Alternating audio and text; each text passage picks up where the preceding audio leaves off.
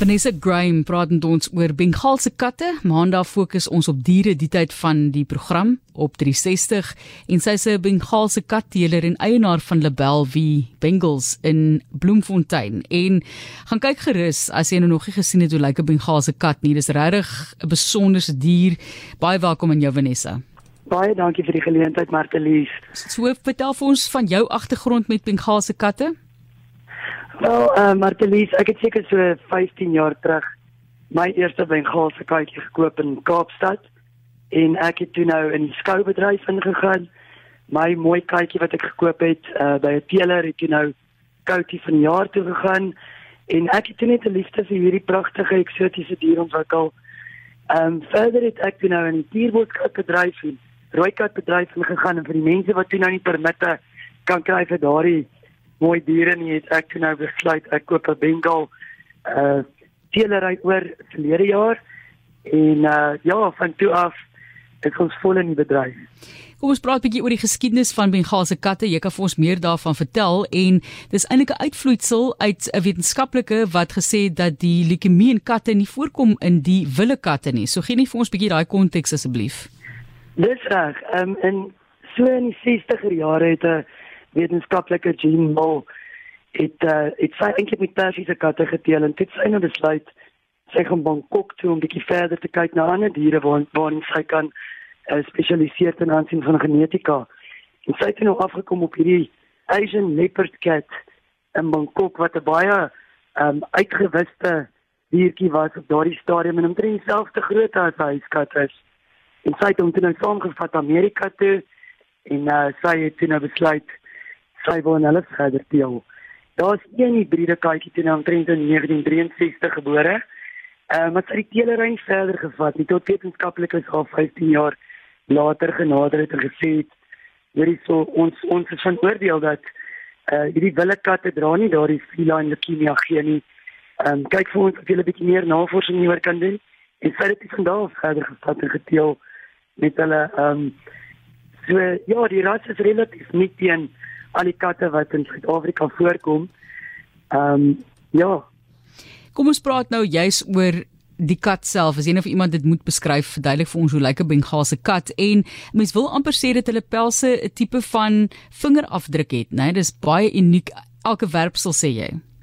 Absoluut. Hoor, daar's nie een katjie wat dieselfde tipe rosette het nie.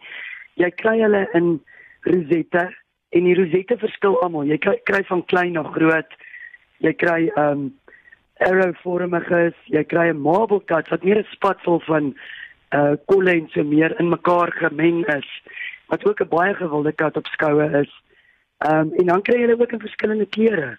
Jy kry hulle in bruin, uh jy kry hulle in wit waar die Siamese kat nou ook ingeteel is om daai kleur te bewerkstellig.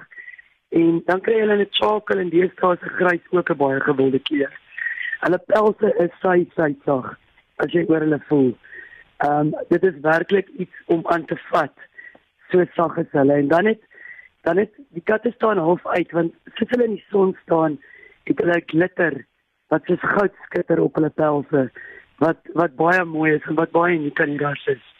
Ja, so dit is dit is 'n klein luiperd in 'n huiskat vorm. Ons gesels oor Bengaalse katte en jy is welkom om vir my te sê of jy dalk 'n Bengaalse kat het en vertel vir ons van hulle persoonlikheid. Sal graag van jou wil hoor. Die kleure het jy ook so 'n bietjie aangeraak. Dit is fascinerend die verskillende kleure en die feit dat hulle lyk asof hulle so 'n bietjie glitter op hulle het of hoe. Ja, nee, dit is omtrent baie mooi om te sien. Die wit katjies sal meer 'n silwer glitter in hom hê en dan die bruin is dit hierdie goue goue kleur in sy pels. Ehm um, Ja, en en die pels gaan tot op die velletjie. Sy sal die kol tot op die vel sien as jy die bare wegtrek.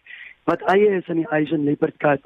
Hierdie katte het 'n unieke persoonlikheid. Ek dink partymal hulle dink hulle is honde want ehm uh, hulle is nie 'n lap cat nie. Ehm uh, dis 'n kat wat hardloop van die oggend tot die aand. Jy moet hom permanent geokkupeer hou anders sal hy jou huis verwoes. Ehm um, dis 'n verskriklike oulike huiskat. Inteendeel hy hou jou die hele tyd um, geamuseer met wat se manewale sy aanvang. Hy hou baie van vertikale hoogtes. En hy hou selfs baie van water wat op die algemeen is van 'n gewone kat nie. En ek dink dit spruit maar uit sy heritage uit as mens dit kan stel. Ehm um, die die Asian leopard kat is 'n krangige visvanger in riviere en vleie. So uh, ek dink dit is maar wat hulle van hulle voorouers dan ook geërf het.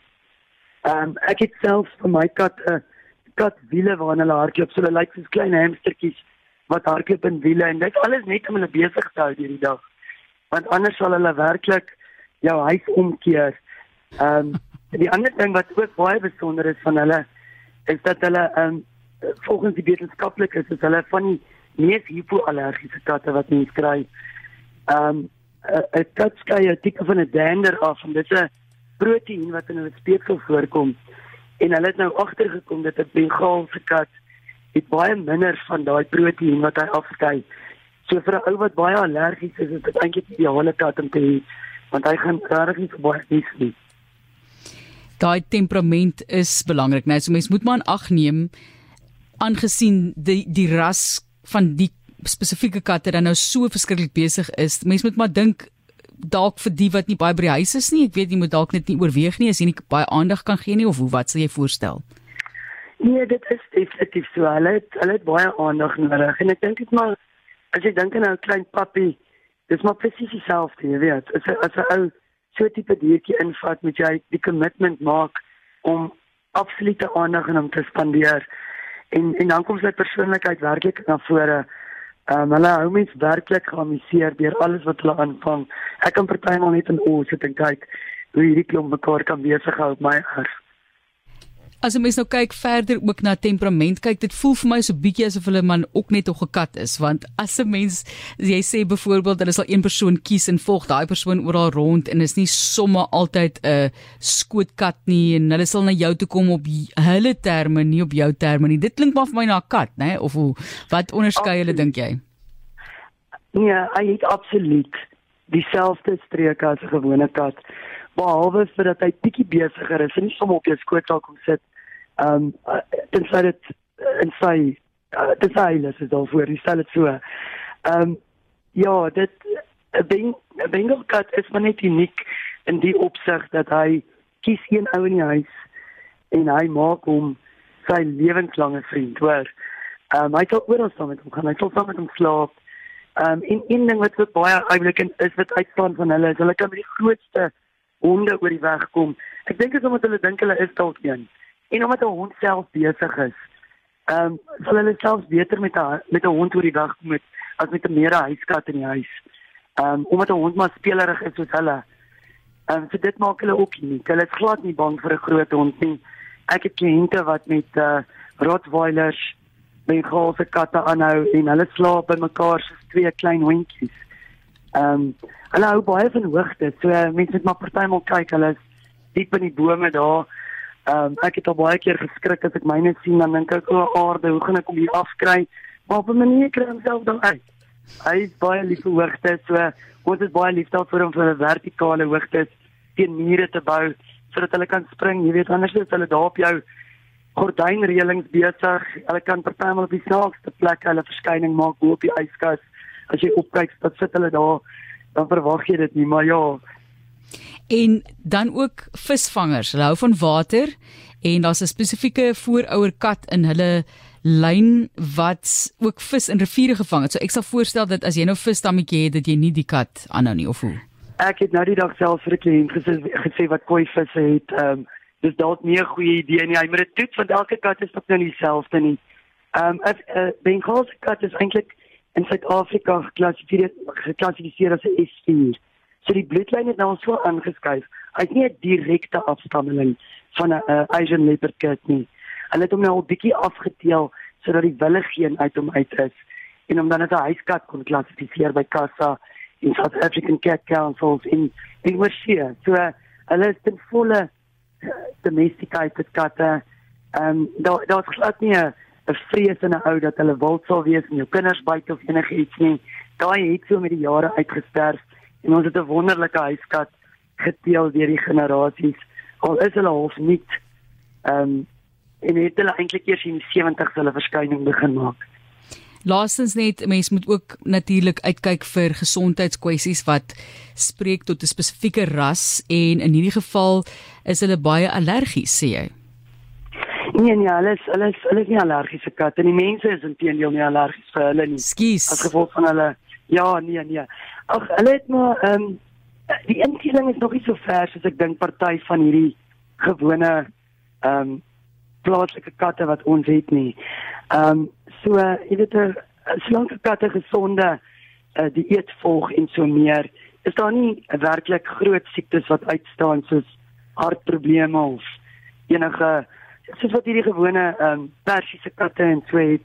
Ek wil nou nie op tone trap nie, maar maar daar is nie wesenlike goed wat uitstaan met betrekking tot hierdie ras op hierdie stadium. Nee, is dalk maar omdat hulle nog nog nie is. Baie interessant weer eens baie dankie Vanessa Graham wat met ons gepraat het oor Bengaalse katte. Hoeveel het jy? Ek het 14. 14. Ja. Ehm um, so jy kan dink hoe lyk my huis. Soek van hulle nog huis of is dit jou troeteldiere? Nee, dit is my troeteldiere en my teelkat. 14. Ja. Jo. Dis baie. Oef, ek wil weet hoeveel geld gee uit in kos elke maand. Dis hom nou nie 'n massiewe Ja. hond nie, maar ja. Ja, nee, op my erf is daar omtrent 100 katte wat tuurboskatte en rooi katte en alles insluit. So ja, dit dit is nog 'n besige erf en, en baie kos word uitgegee in 'n maand. Hoeveel troeteldiere in die algemeen dan is dit as daar meer as net katte is? Oh, ek dink was so 105 diere op my plek. Bly jy op 'n klein hoewe? Ja, nee, waar van die tuurboskatte en rooi katte omtrent so 60 kg hoender 'n dag eet. Ene mense. OK. Jo. Ja. Sterkte um, en geniet hulle. Dit is jy doen dit natuurlik op dankie. omdat jy dit geniet. Ag, dankie Martelies en dankie vir die geleentheid om hier te kon voorstel. Dit is Vanessa Graham Bengal Kittens. .co.za. Jy kan gerus daar gaan loer as jy wil sien hoe hulle lyk, maar jy kan Google ook Bengaalse katte. Sy's 'n katteeler en eienaar daar van Bloemfontein. Jogg, is baie katte, hoor, is baie diere. Is eintlik 'n seker maar 'n lieflike lieflike ervaring vir iemand wat baie lief is natuurlik vir diere.